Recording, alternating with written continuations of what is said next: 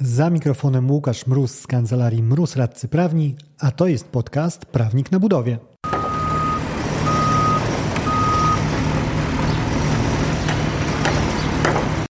Ten odcinek to fragment webinaru zatytułowanego Niechciane skarby wykonawcy o roszczeniach w związku z warunkami podpowierzchniowymi odbiegającymi od dokumentacji zamawiającego. Jeżeli ominął Cię ten event, materiały z niego, prezentacje i szerokie wyimki z case'ów, które omawiałem, znajdziesz na Facebooku, w grupie z prawnikiem na budowie dostępnej dla subskrybentów mojej facebookowej strony. Za mikrofonem Łukasz Mróz, a to jest podcast Prawnik na budowie.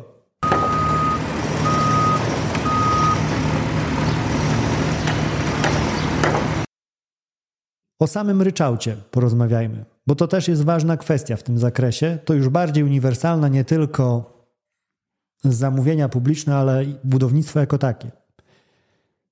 Zaczynając od tego, że trzeba zmienić sposób myślenia o ryczałcie.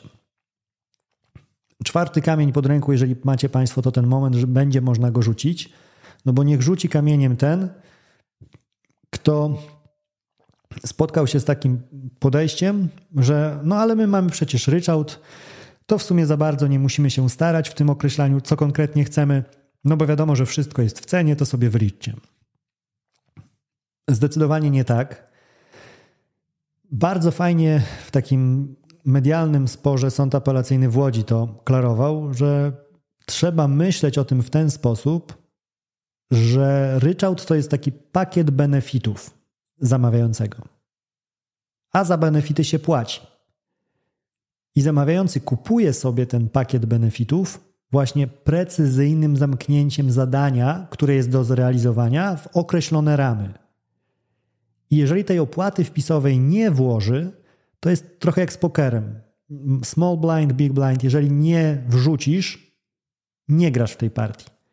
W tym przypadku, jeżeli nie wrzucisz, nie kupiłeś sobie tego dobrodziejstwa ryczałtu, czyli nie będziesz mógł się powoływać na to, drogi zamawiający, że jakieś roboty były do realizacji, coś trzeba było zrobić, bo nie sprecyzowałeś tak naprawdę, cóż tam zrobić trzeba będzie. I jak widzicie Państwo po przykładach tych wyroków w nawiasie, to nie są przypadki jednostkowe, szczęśliwie Sąd okręgowy w Warszawie w jednym ze swoich wyroków bardzo dobitnie napisał dosłownie to, co widzicie Państwo tutaj jako taki abstrakt na slajdzie, jako bullet point, czyli ryczałt nie wyłącza obowiązku dokładnego zdefiniowania zadania. W innym wyroku ten sam sąd napisał, że obowiązku zdefiniowania zadania nie wyłącza, czy obowiązku precyzji, nie wyłącza samo zastrzeżenie, że wykonawca powinien uwzględnić wszelkie ryzyka w wycenie ryczałtowej. Znowu takie truizmy wydawać by się mogło, ale sporo tej takiej pracy u podstaw wydaje mi się jeszcze będzie musiało nastąpić, żeby te odczarować, te myślenie właśnie uproszczone na zasadzie, bo to ryczałt to wszystko w cenie, nie ma co się silić nad precyzyjnym określeniem rzeczy. Bo w cenie nie jest wszystko, tylko to, co możliwe do przewidzenia przez tego zawodowego wykonawcę. A on jest zawodowym wykonawcą robót budowlanych, a nie zawodowym wróżbitą.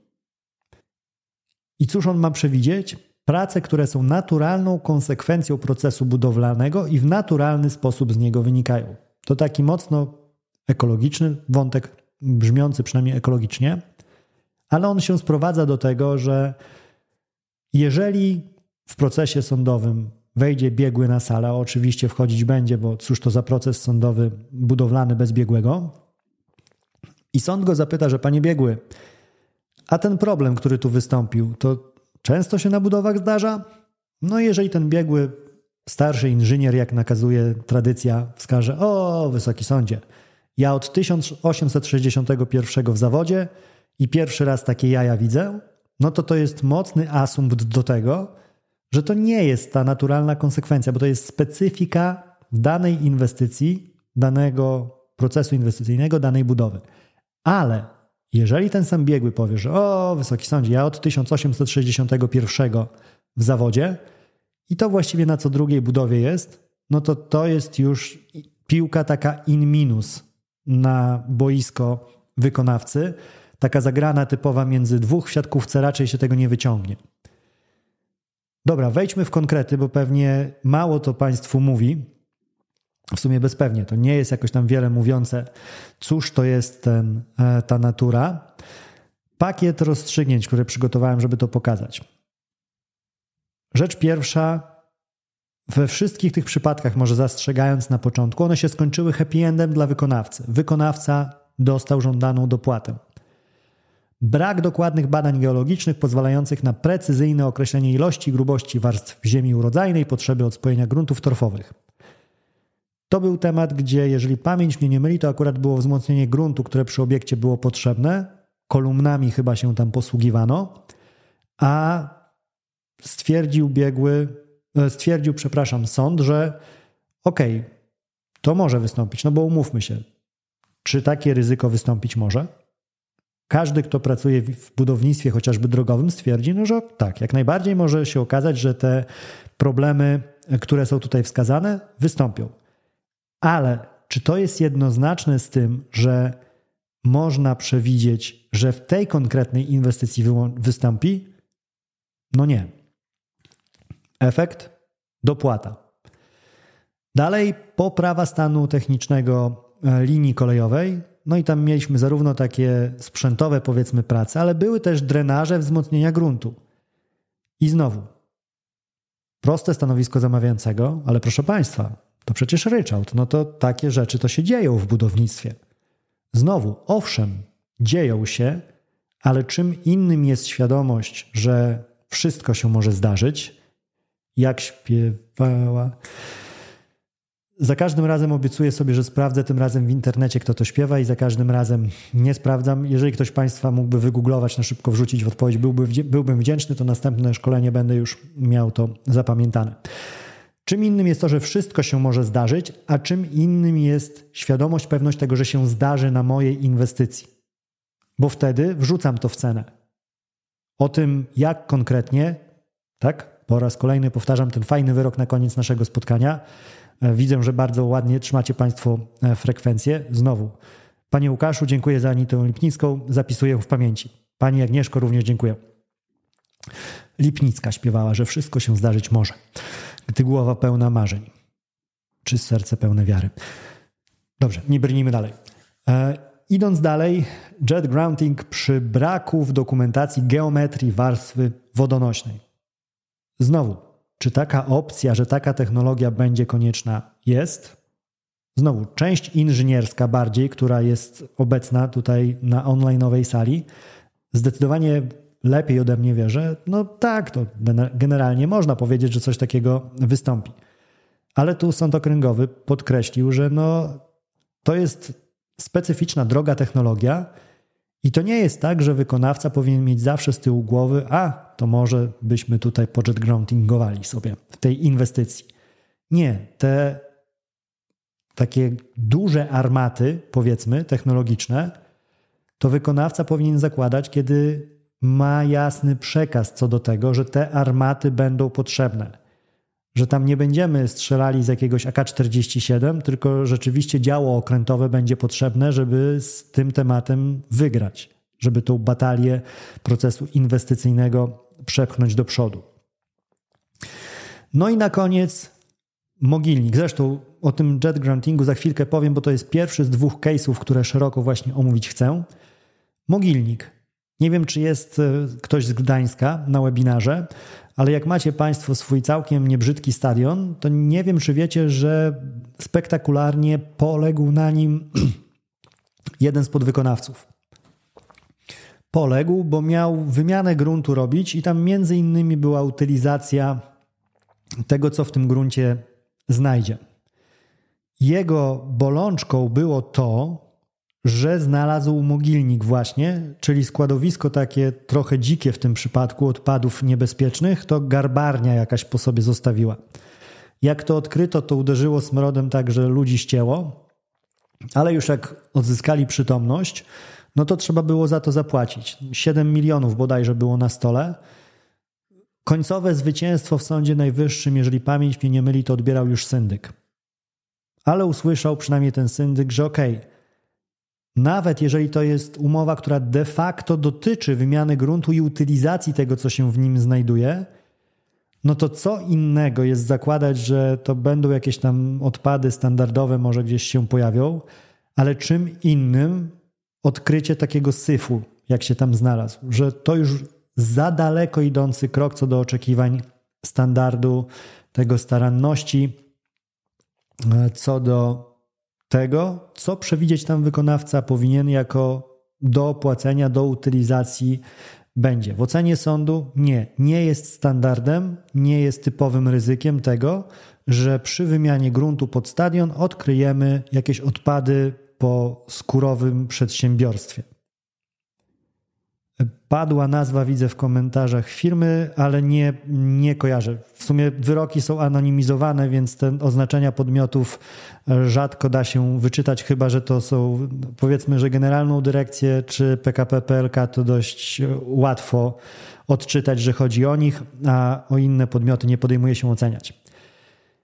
Ok. I teraz wejdźmy w te konkretne orzeczenia, dwa case'y E, które szerzej chciałem przytoczyć dziś. Prezentację już może e, wyłączę, bo w sumie e, wszystko, co w niej do pokazania miałem, już pokazałem. Zaczynając od tego jet groundingowego tematu. Tutaj mamy kwestię odwodnienia terenu budowy i sąd sobie tak pisze teraz, wyjaśniając, poczytam szerzej, poczytuję sąd, bo cóż będę koło na nowo wymyślał. Pokażę Państwu to bardziej precyzyjnie, jak te sądy podchodzą, jak myślą na temat swojej pracy.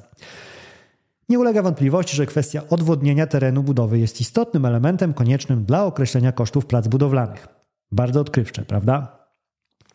W sprawie tej, którą sąd rozpoznawał, dokumentacja projektowa opisująca przedmiot zamówienia w części dotyczącej budowy galerii wodociągowej była dokumentacją niepełną w zakresie parametrów hydrogeologicznych, gdyż brakowało w niej podstawowych danych, jakie powinny być uwzględnione dla tego typu inwestycji. Tutaj biegły sądowi podpowiedział, że uwzględniono wyłącznie punktowe występowanie wody gruntowej bez analizy jej przestrzennego występowania, głębokości występowania, rozciągłości poziomej, dynamiki i spadków hydraulicznych. Znowu wszystkie te rzeczy są zdecydowanie bardziej e, jasne koleżeństwu inżynierskiemu tutaj zgromadzonemu niż mnie. A czego brakowało w tej dokumentacji w ocenie sądu i biegłego? Geometrii warstwy wodonośnej, czyli jej miąższości obszaru zasilania, obszaru drenażu, a więc podstawowych elementów charakteryzujących środowisko hydrogeologiczne, w jakim ta inwestycja miała być wykonywana. No i do czego to doprowadziło? No sąd tłumaczy, że wobec tego nie można było bez dodatkowych analiz, badań, symulacji i obliczeń ustalić wielkości dopływu wody gruntowej do wykopu pod budowę galerii wodociągowej. I co w związku z tym znowu?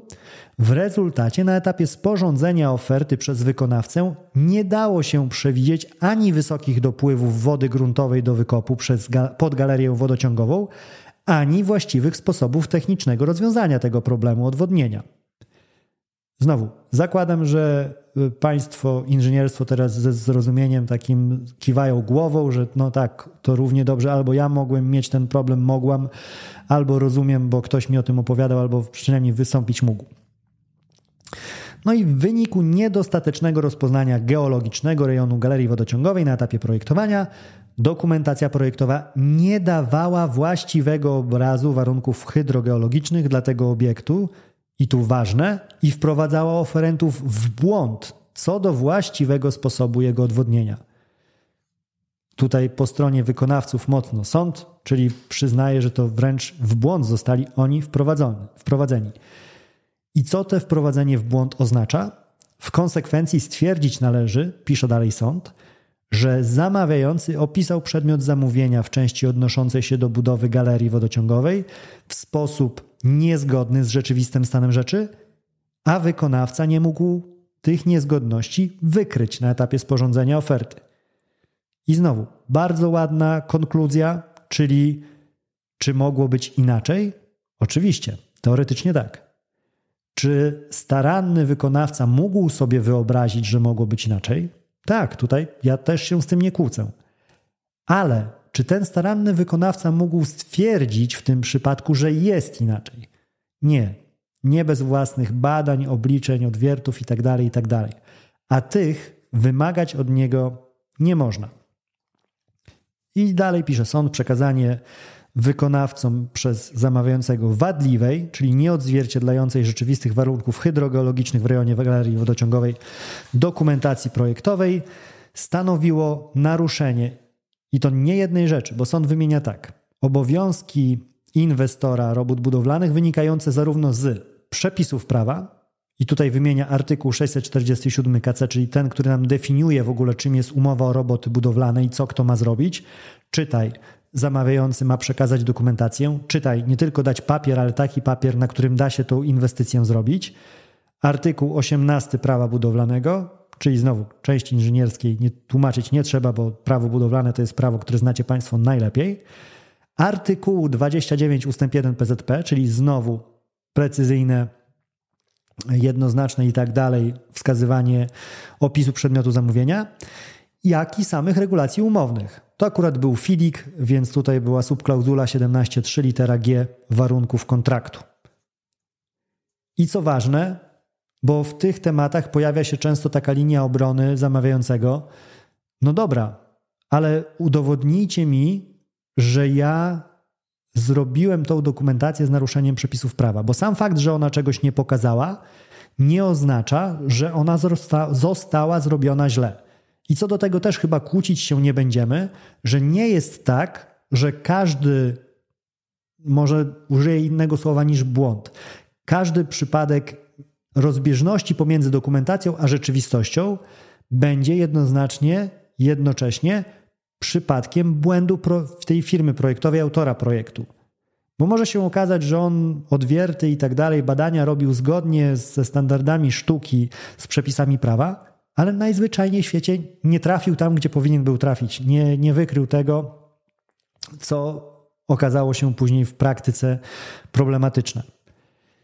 I dlatego tutaj sąd też wypowiedział się na ten temat i wypowiedział się następująco.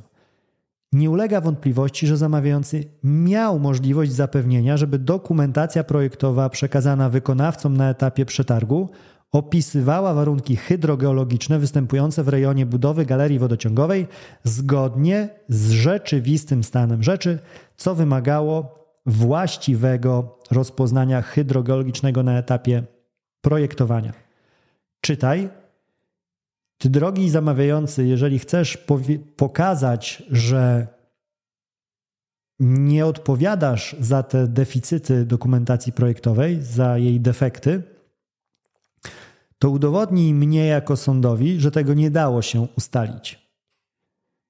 I tutaj też chodzi mi po głowie taka myśl, że tak jak mamy standard wymagany od wykonawcy, to porozmawiajmy o standardzie wymaganym od zamawiającego. Bo jeżeli powszechną wiedzą tak naprawdę jest to, że badania takie w opcji minimalny wydatek nic nie pokazują, to dlaczegoż nie wymagać od zamawiającego tego, żeby wydał więcej. I jeżeli nie wydał, przyjmować tego jako naruszenie standardu.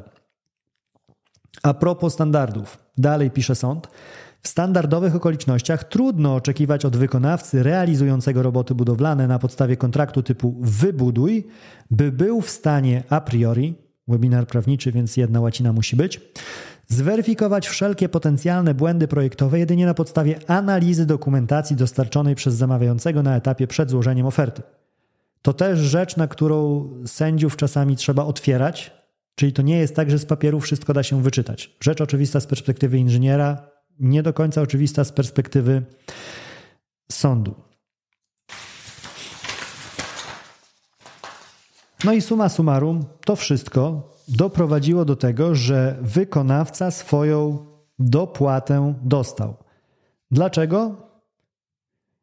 Skoro na podstawie materiałów udostępnionych w przetargu na udzielenie przedmiotowego zamówienia publicznego nie można było wprost, bez dodatkowych analiz, badań, symulacji i obliczeń ustalić dopływu wody gruntowej do wykonywanego wykopu pod galerię wodociągową, to należy stwierdzić, że wykonawca na etapie przetargu nie był w stanie przewidzieć potrzeby zastosowania kosztownej technologii jet groundingu w celu skutecznego odwodnienia wykopu. Dzięki za odsłuchanie tego odcinka. Jeżeli chcesz się ze mną skontaktować, możesz napisać na biuro małpa kancelariamroz.pl albo zadzwonić na 577 665 077. Znajdziesz mnie też w mediach społecznościowych. Na LinkedIn jako Łukasz Mróz, a na TikToku, Facebooku i Instagramie jako Prawnik na Budowie.